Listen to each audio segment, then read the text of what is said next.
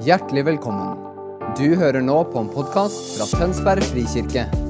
Talen er tatt opp på vår gudstjeneste søndag på Brygga i Tønsberg.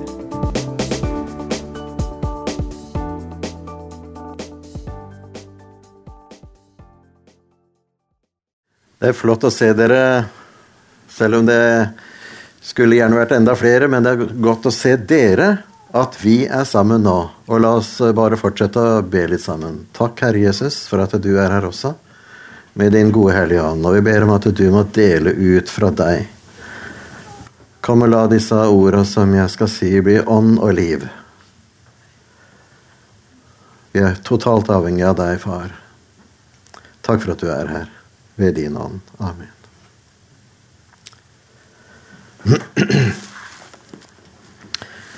Vi er skapt til å tjene Gud. Det er tema for denne dagen og for denne gudstjenesten.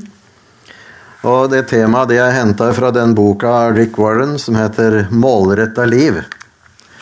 Og eh, også har ledelsen eh, denne høsten blitt enige om, eller blitt minnet om, at eh, nå er det viktig å gå back to basic. Altså gå tilbake til selv, det selve grunnleggende, som også Anders snakka litt om. At vi, at vi den, Det vi egentlig driver med her, og det vi, det vi har som mål, det er nettopp det å forkynne Jesus, leve med han og tro på han. Og derfor så uh, vil jeg med en gang fortsette på en måte der Anders også var i stad. Og først si litt, et lite overblikk over begynnelsen. Vi tar, Dere er med på det. For Jesus han gikk jo langs Genarer... Bare vent til dere blir gamle, så går det litt i surr for dere òg. Han gikk langs denne gener, gen, ja, Genesaretsjøen i Galilea. Det var en god start. Og der hadde han kalt også disse vanlige fiskerne. Og han sa til dem, 'Følg meg, så vil jeg gjøre dere til menneskefiskere.' Så vil jeg gjøre dere til menneskefiskere. Og det har vi også lest om, og det var brødrene Peter og Andreas. Og det var brødrene Jakob og Johannes. De forlot fiskebåten som faren satt i. Og så lovte Jesus altså 'Jeg vil gjøre dere til menneskefiskere'. De skulle altså fortsette med det yrket som de kunne så godt. De skulle bare fiske noe helt annet. På en helt annen måte enn de hadde gjort før. Men de skulle til og med få bruk for fiskebåten sin. De skulle fiske. Jesus hadde bruk for den fiskebåten flere ganger, vet vi. Han reiste fra den ene til den andre sida av denne sjøen. Og, og, han var med i båten, også når det var storm. Vi skal huske på det at eh, Jesus har alltid bruk, for det som du er god på. Det som du er god til. Sånn som du er. Han bruker deg, og bruker det som du er god på, til å tjene andre. Sånn er det. Heldigvis. Men nå skulle altså disse først gå i lære hos ham, som kjente dette fiskeslaget, som jo heller ikke var fisk, men mennesker. Og han hadde jo vært med å skape dem. Han visste alt om dem. Han visste hvor han skulle finne dem. Han visste hvor han skulle finne dem hjemme, på en måte. Og ikke minst, altså, han visste hva de virkelig trengte for å ha et godt og riktig liv. For Jesus var mester i nettopp dette her. Og nå skulle han gjøre det. Han skulle fange mennesker, og han skulle lære opp men disse disiplene sine til å fange mennesker. Og En annen gang så fikk jo Jesus se Matteus som satt på tollbua. Og han sa til ham, 'Følg meg'. Og Matteus, står det, han reiste seg og fulgte Jesus. Også han ble en Jesu disippel. Han var en toller. Tollerne var sett på som både tjuver og landssvikere, veit vi. Og sånn var det jo med lille Sakkeus som satt oppi treet og Jesus sa til han, 'Sakkeus, kom ned, for i dag vil jeg være med deg hjem.' Sånn er Jesus. Dette var typisk Jesus. Han som så den som ikke andre hadde sans for. Hvorfor kunne ikke Jesus gått inn i Jerusalem til, til landets eldste og liksom ta ut noen av de aller beste der med de beste karakterene? Nei, han ville ha vanlige mennesker. Han ville ha deg og meg. Men var, det var jo ikke rart, da, for, for Matteus han uh, satte jo i gang et selskap hos seg sjøl, og han inviterte eh, både fariseeren og de skriftlærde. Og han uh, inviterte Jesus. Og han inviterte også mange av sine gamle venner, som kanskje ikke var mors beste barn alltid. De hadde kanskje litt av hvert å svare for, de også, som mye andre. Og så sitter da fariseerne der i dette selskapet, og så sier de til de Jesu disipler Hvorfor spiser mesteren deres sammen med toller og syndere? Vi blir jo ureine når vi skal være sammen med sånne folk. Går det virkelig an at han som sier at han er Gud, osv., og, og så sitter han her og snakker med og prater med disse her synderne? Men Jesus hørte det og sa, 'Det er ikke de friske som trenger lege, men de syke.' Jeg er ikke kommet for å kalle rettferdige, men syndere.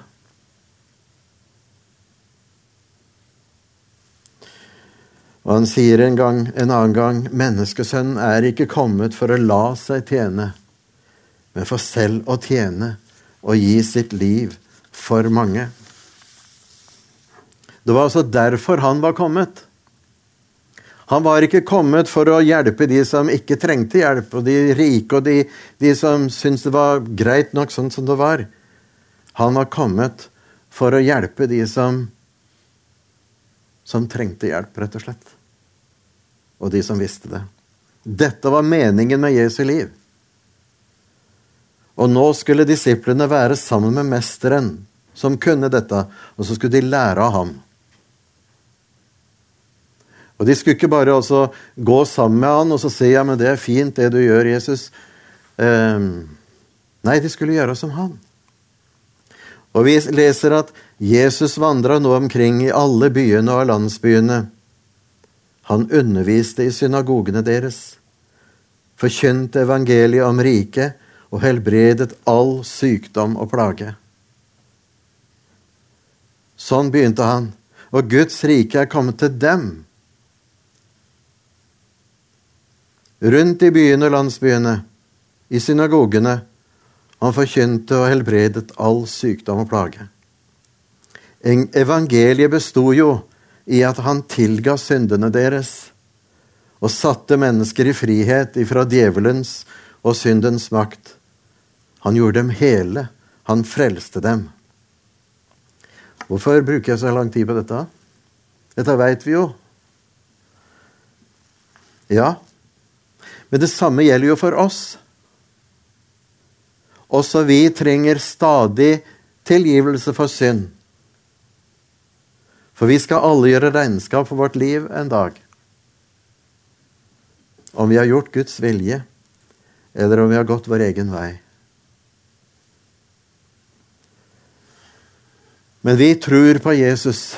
Jeg tror vi som er her, og om du ikke er kommet dit enda, så kan du ta imot Herren Jesus Kristus og alt det han har gjort for deg. Og så kan vi leve med ham, og det vil vi gjerne. Vi er frelst. Vi er Guds barn. Vi skal komme litt tilbake til det også. Men vi som tror på Jesus nå, vi er også hans disipler. Vi er rett og slett hans disipler. Tenk deg da inn at du er en av disse her brødrene, fiskebrødrene,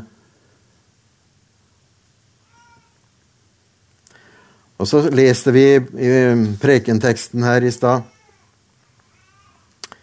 at eh, da han så folkemengdene, og det er faktisk i flertall Han så mange folkemengder. Stadig på nytt og på nytt var det nye folkemengder som kom til han. Kanskje noen som hadde vært der før, men han gikk til nye steder, og der var det også folkemengder.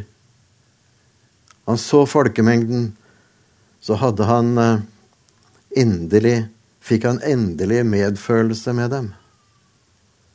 De var forkomne og hjelpeløse som sauer uten gjeter. Han fikk inderlig medfølelse med dem. Og dette, dette ordet, altså, dette med endelig medfølelse, det står det faktisk fem ganger i Matteusevangeliet. Akkurat det. At han fikk inderlig medfølelse med dem. Og Det er altså veldig viktig å få fram hans medlidelse. For vi ser at Jesus lider sammen med folket. Han kjenner i sitt indre hvor hjelpeløse menneskene er. De var fattige og sjuke, og mange var besatt av onde ånder. Det var tusener på tusener som fulgte ham, ville høre på ham og, og bli helbreda. De ville kjenne hans kraft. De ville være i hans nærhet. Og det var ingen andre der som kunne hjelpe dem eller ta vare på dem. Det var ikke noe sykehus eller fastleger. Det var ikke noe sosialvesen som kunne følge dem opp. De var overlatt til seg sjøl. Det var én ting, men det verste var at de religiøse lederne, fariseerne og de skriftlærde, de som skulle gi dem ord til trøst, som skulle gi dem åpenbaring fra den levende Gud, for Gud åpenbarte seg i Den gamle testamentet, de skulle fortelle om det gode Gud hadde gjort opp igjennom historien, og tro på Han som virkelig lever. Men de var mest opptatt av å pålegge folket menneskebud, for at de skulle holde seg innenfor ei religiøs ramme. Det var et regelverk som de sjøl heller ikke hadde mulighet til å følge, enda så hardt de prøvde. Jesus sa jo til og med en gang at eh, de legger tunge byrder på folk som de sjøl ikke er villige til å løfte på. Det var situasjonen. Det var den åndelige situasjonen. Det var nok av blinde veiledere der som ikke kunne hjelpe. Og dette så Jesus. Han hadde endelig medfølelse med dem. De var som sauer uten gjeter. Og det var en livsfarlig situasjon for sauer å være uten gjeter, dere. For uten gjeter så ble de utsatt for rovdyr som ville drepe dem. Og de fant ikke steder der var mat og vann eller noen form for bile. Så saueflokkene den tida måtte ha en gjeter. Det var livsnødvendig. Det var derfor også Jesus brukte dette uttrykket. Eller tenk på Salme 23, da som vi kjenner, de fleste av oss, tror jeg. Herren er min hyrde. Jeg mangler ingenting. Men de var uten hyrde, tydeligvis. For Jesus så det. Men hva med oss? Vi har det vel ikke sånn.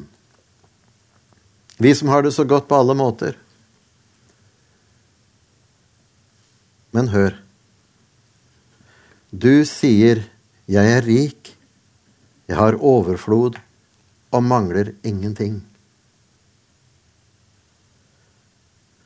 Det kunne vært sagt om oss her i landet. Ikke sant? Jeg er rik, jeg har overflod og mangler ingenting.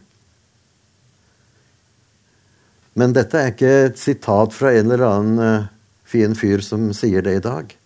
Dette er jo rett og slett, som mange av dere veit, det er et sitat fra Åpenbaringen 3. Der altså lederen for menigheten i Laudikea forteller om sånn som, er, sånn som de har det der. Og han er veldig godt fornøyd. Han lederen i denne menigheten der i Lilleasia, i Laudikea. Jeg er rik. Jeg har overflod og mangler ingenting. Det står veldig bra til med oss, skjønner du. Det ligner veldig på det som vi kunne sagt her i Norge òg. Vi har det så bra. Vi klarer oss med rikdom, masse rikdom og mye velstand. Og er vi sjuke, så har vi godt helsevesen, og mange av oss har vært glad for det. Og vi klarer oss godt uten Gud og Jesus eller noe annet å tro på. Sånn er det her i Vesten. Jeg sier dette rett og slett fordi at dette er et stort problem. For det materialistiske og rasjonelle verdensbildet som råder nå i denne verden, og som sier at dette er det eneste sanne Vi tror ikke på noe annet enn det vi kan se og måle og veie eller forske på med vitenskapelige metoder. Og den, i den slags verden så finnes ikke det heller det åndelige. Det er ikke rom for det.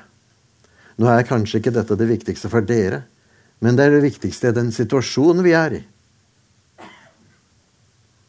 Og Vi som er kommet her nå, vi er kommet fordi vi tror på noe åndelig.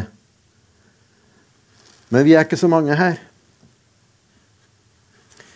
Det bor titusener i Tønsberg og i Norge som, hvor dette rett og slett ikke er aktuelt.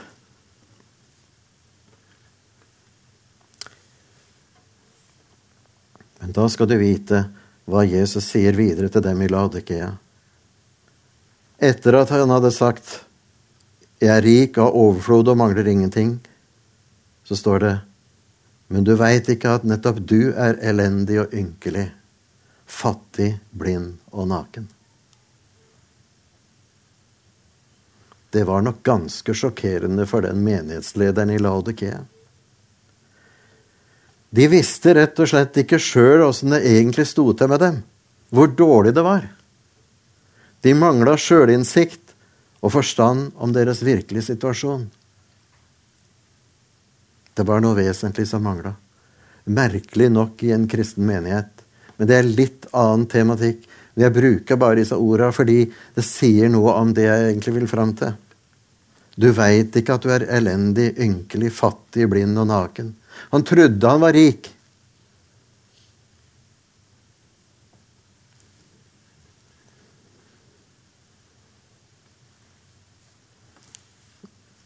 Vi lever midt i et folk som er elendig, ynkelig, fattig, blind for Guds virkelighet og for Guds verden. Midt i all vår velstand. Og mange lengter allikevel til til noe som de ikke veit hva er. Det er et tomrom her inne som de ikke veit hva de skal fylle med. For vi mennesker er, som vi veit, skapt med en åndelig dimensjon som må fylles med et eller annet. Vi er kropp, og vi er sjel, og vi er ånd. Og den dimensjonen ånd, den står ofte tom. Nei, den står ikke tom. Men den er ofte fylt med annet, med mye annet. Eller det er en veldig lengsel her inne. Og da søker man ofte forskjellige opplevelser som kan tilfredsstille dette rommet, men som etter, allikevel etterlater seg kanskje et enda større tomrom. Vi prøver å fylle det åndelige rom med noe som ikke har ånd i seg. Det er situasjonen hos oss. Og I verste fall så fyller man det med åndsmakter som ikke er fra Gud, og som fører på ville veier. Det jeg altså prøver å si, er at det, vårt folk er i den samme situasjonen som når Jesus gikk rundt i Galilea.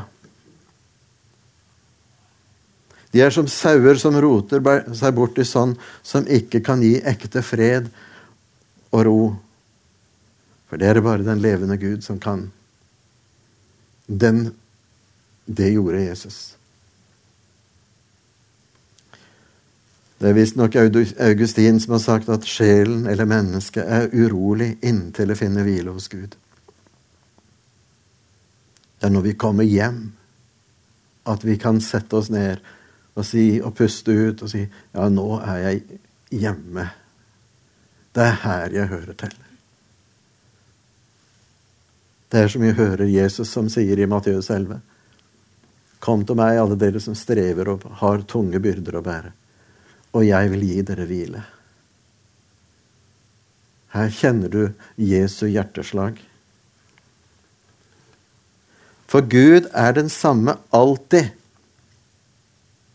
Gud er den samme som da Jesus vandra her i Galilea og rundt omkring ellers.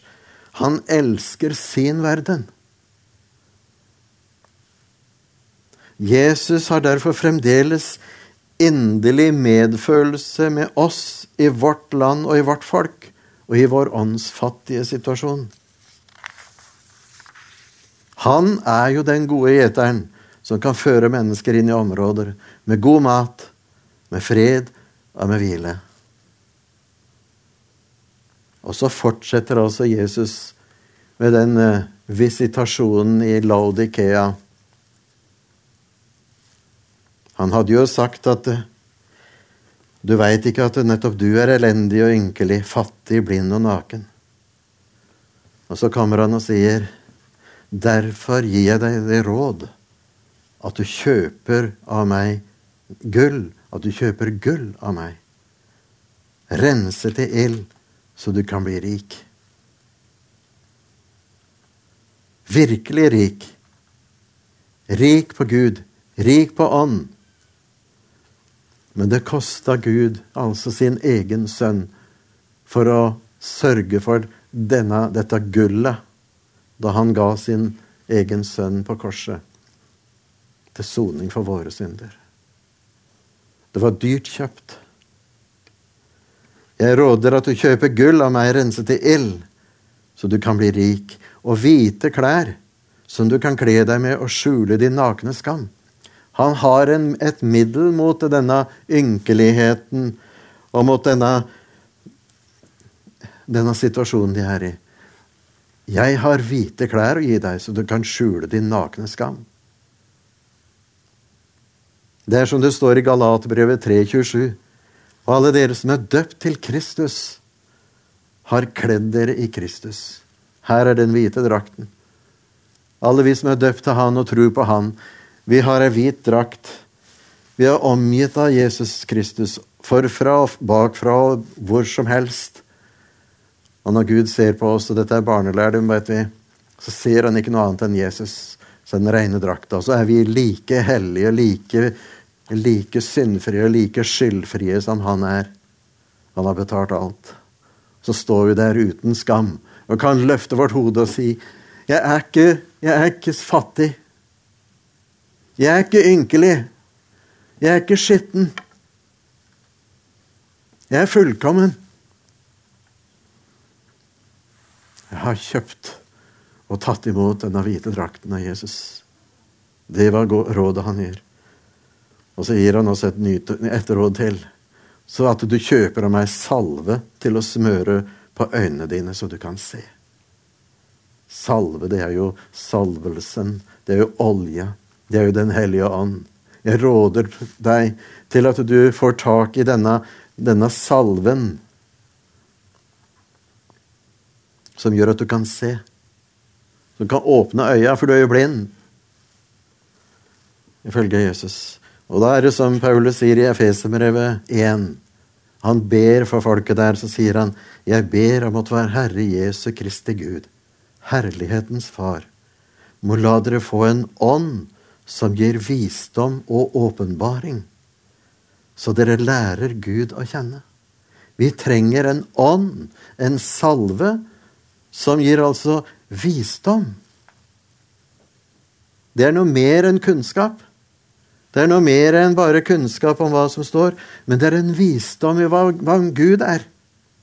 Det er en erfaring. Det er noe som du veit er sant. En ånd som gir visdom og åpenbaring, fordi han ønsker å åpenbare seg. Hvorfor det? Jo, så dere lærer Gud å kjenne. Og må Han gi dere lys til hjertets øyne. Salve til øynene, står det i åpenbaringen. Lys til hjertets øyne, så dere får innsikt i det håp Han har kalt dere til. Hvor rik og herlig Hans arv er for de hellige, og hvor overveldende hans kraft er hos oss som tror.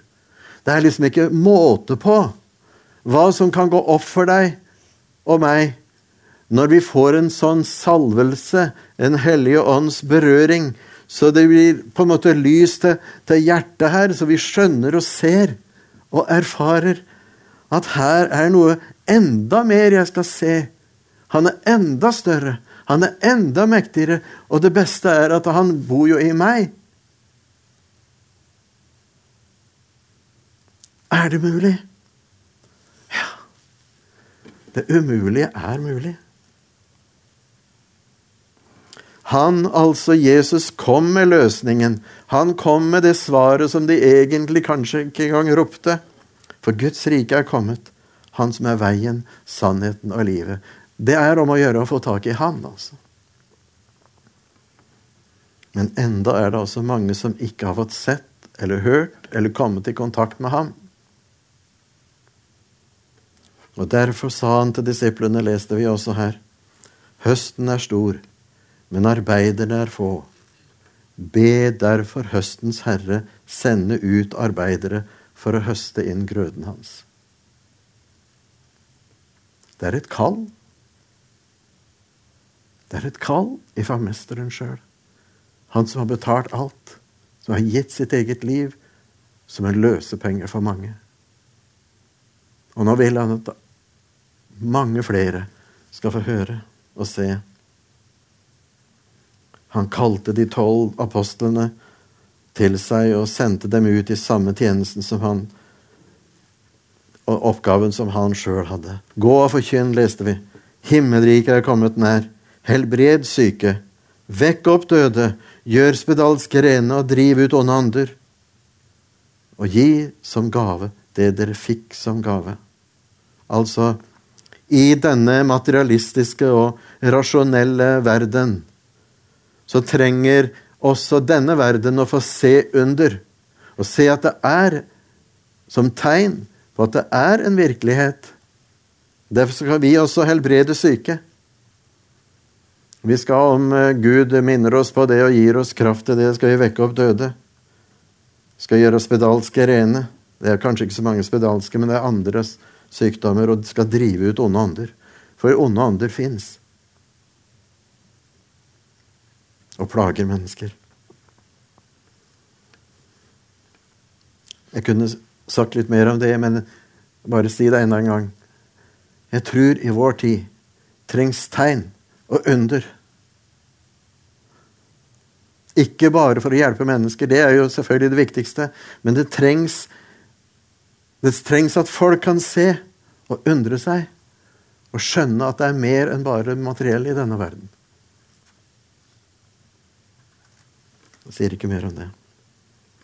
Men gi som gave det dere fikk som gave. Det har jeg ikke lagt merke til før. Disiplene altså skulle gi videre det som de sjøl hadde fått. Og med makt og myndighet fra Gud sjøl skulle de sette mennesker fri fra synd, sykdom og død, for det var jo det de hadde fått.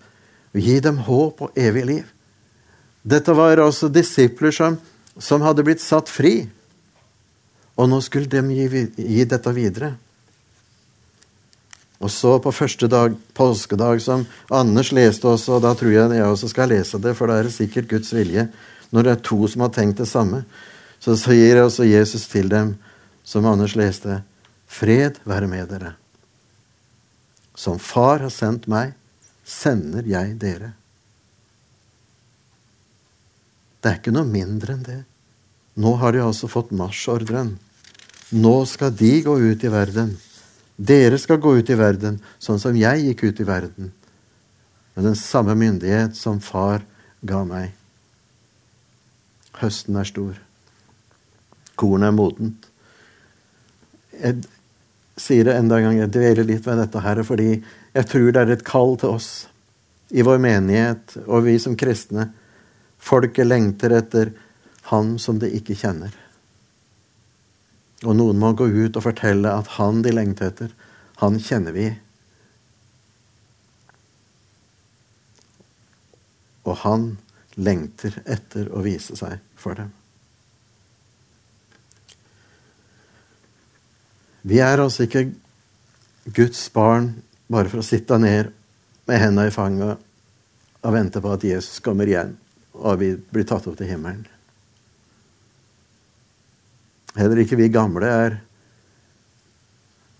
kalt til å sitte ned. Vi har mye å gi. Vi har mye å, vi har mye å fortsette med.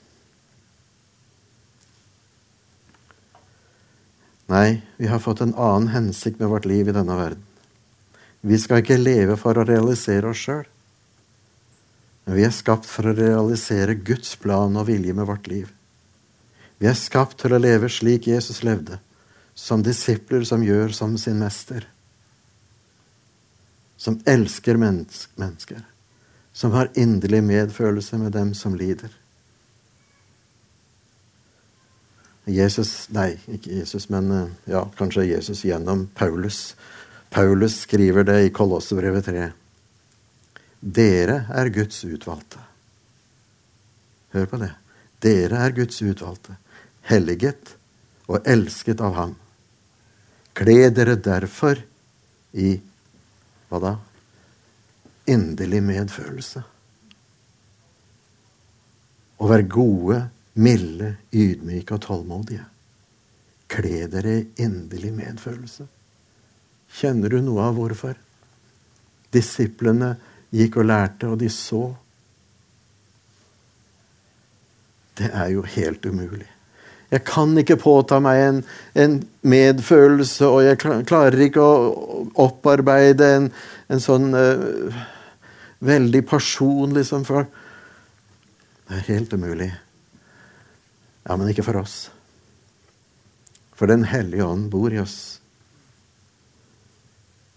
Og han som hadde sagt dette oppdraget på oppstandelsesdagen, han så, så åndet han på dem, Jesus, på disiplene bak stengte dører. Han åndet på dem og sa, ta imot Den hellige ånd.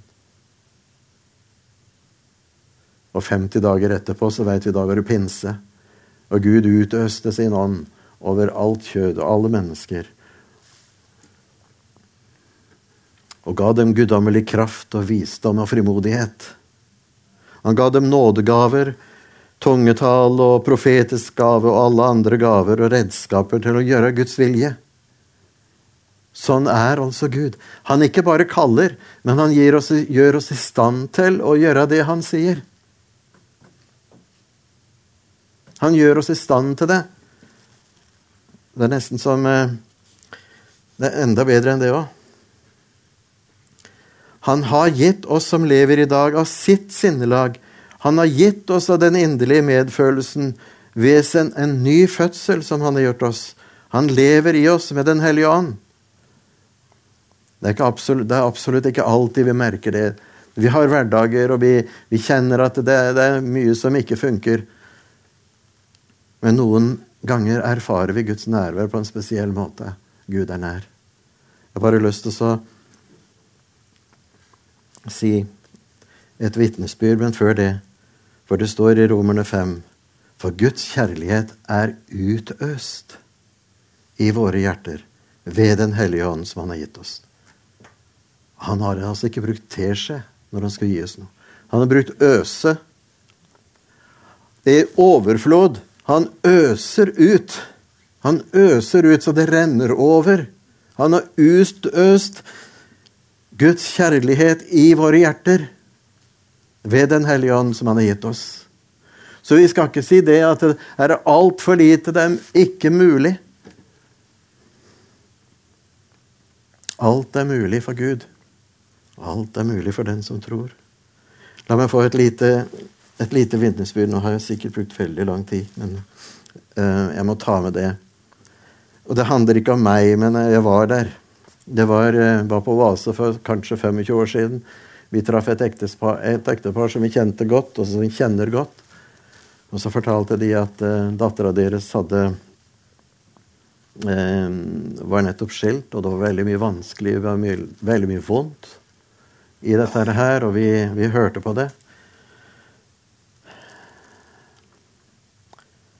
Og så treffer jeg eh, denne dama i bokbordet i bokhandelen på Vase. Eh, samme dag eller dagen etter, det veit jeg ikke. Og eh, kom litt i prat. Jeg husker ikke hva jeg sa, hva hun sa, men vi kom inn på det at det, det, var, det var, noen vanskeligheter. Og så begynte bare tårene å trille. Og det, det er ikke så sjelden det gjør det hos meg. men men, men bare tårene rant.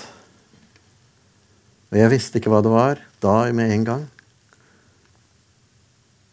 Det er så lenge siden, jeg husker ikke alt, men jeg husker i hvert fall de tårene rant. Vi så sikkert på hverandre, og hun skjønte, og etter hvert skjønte jeg.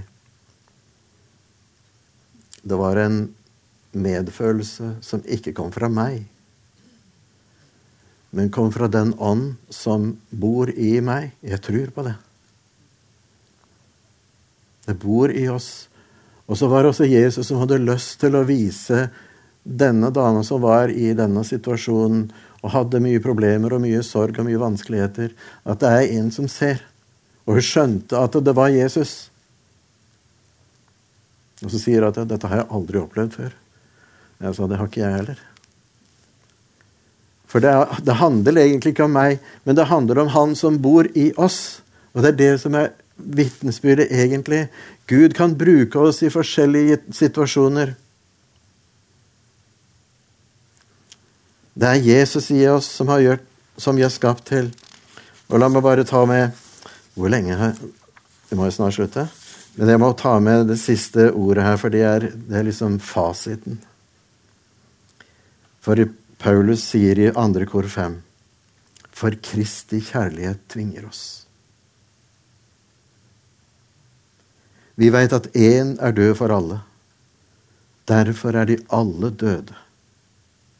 Og han døde for alle, for at de som lever, ikke lenger skal leve for seg selv, men for ham som døde og sto opp for dem.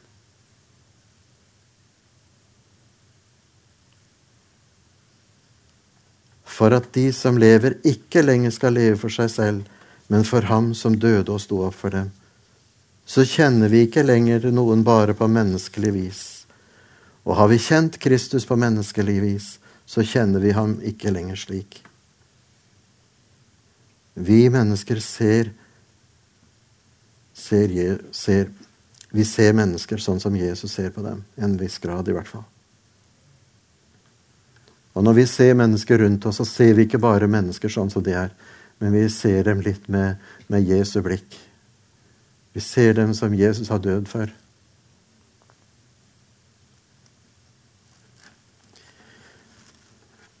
Og det gjør vi fordi vi er gjenfødt til en helt ny måte å leve på. Og så fortsetter Paulus.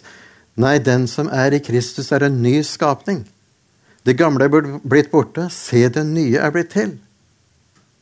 Vi er altså helt nye mennesker. For det, det Jesus mente også, at vi må, må bli født på ny. Det nye er blitt til. Hva da? Jo, det er noe som Alt er av Gud, Han som ved Kristus forsonte oss med seg sjøl og ga oss forsoningens tjeneste. Det er tjenesten vi har. Dette er livet vårt. Dette er livet vårt. Vi er blitt nye mennesker. For vi er Hans verk, står det i Efeserne 2,10, og det er jo sjølve hovedverset i det som, som vi har i dag.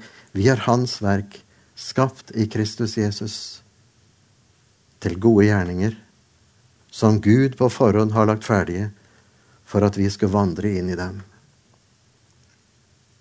Av nåde er frelst.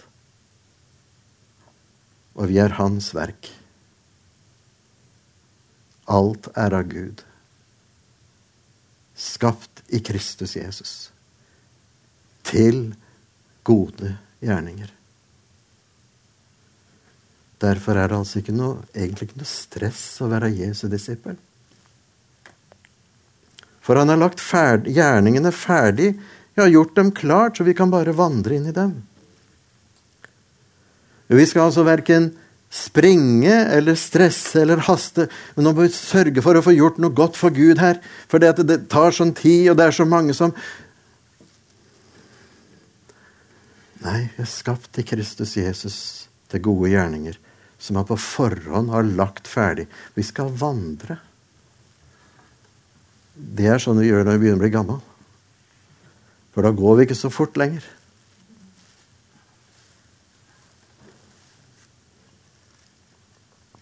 Det ligger en spesiell hvile og tillit til den allmektige Gud, Han som har regien og kontrollen. Nå kan dere gå opp. Nå er jeg nesten ferdig. Og Jeg håper og jeg tror og vi får hjelpe hverandre til å leve i denne virkeligheten. Vi som er nye mennesker. Som altså skal få lov til å vandre i hans ferdiglagte gjerninger. Sånn som jeg opplevde da, og som mange av oss har opplevd i forskjellige situasjoner. Men så gjelder det også i tjenesteoppgavene som mange av dere har.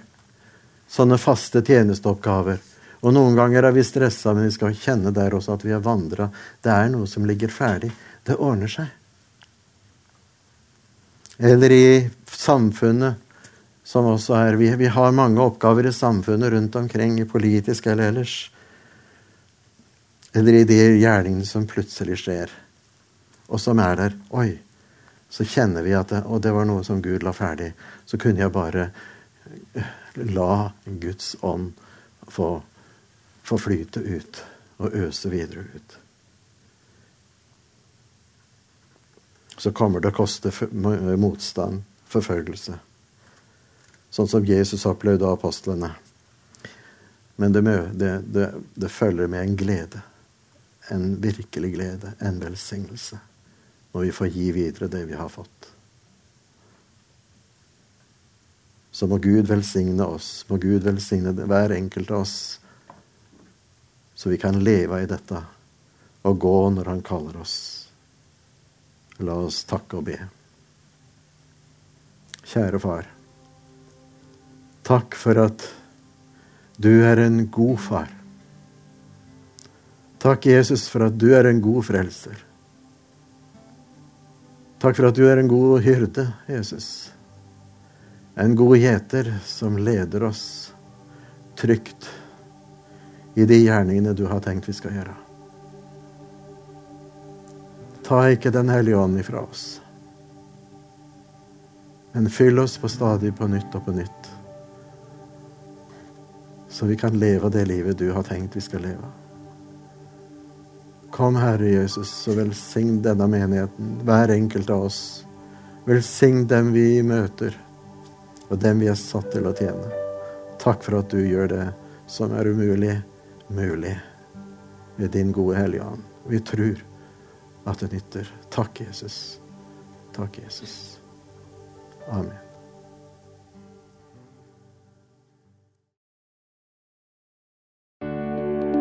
Takk for at du hørte på vår podkast. Har du spørsmål eller ønsker du å vite mer? Søk oss på vår nettside tonsbergfrikirke.no. Du er også velkommen til kirke på Brygga i Tønsberg.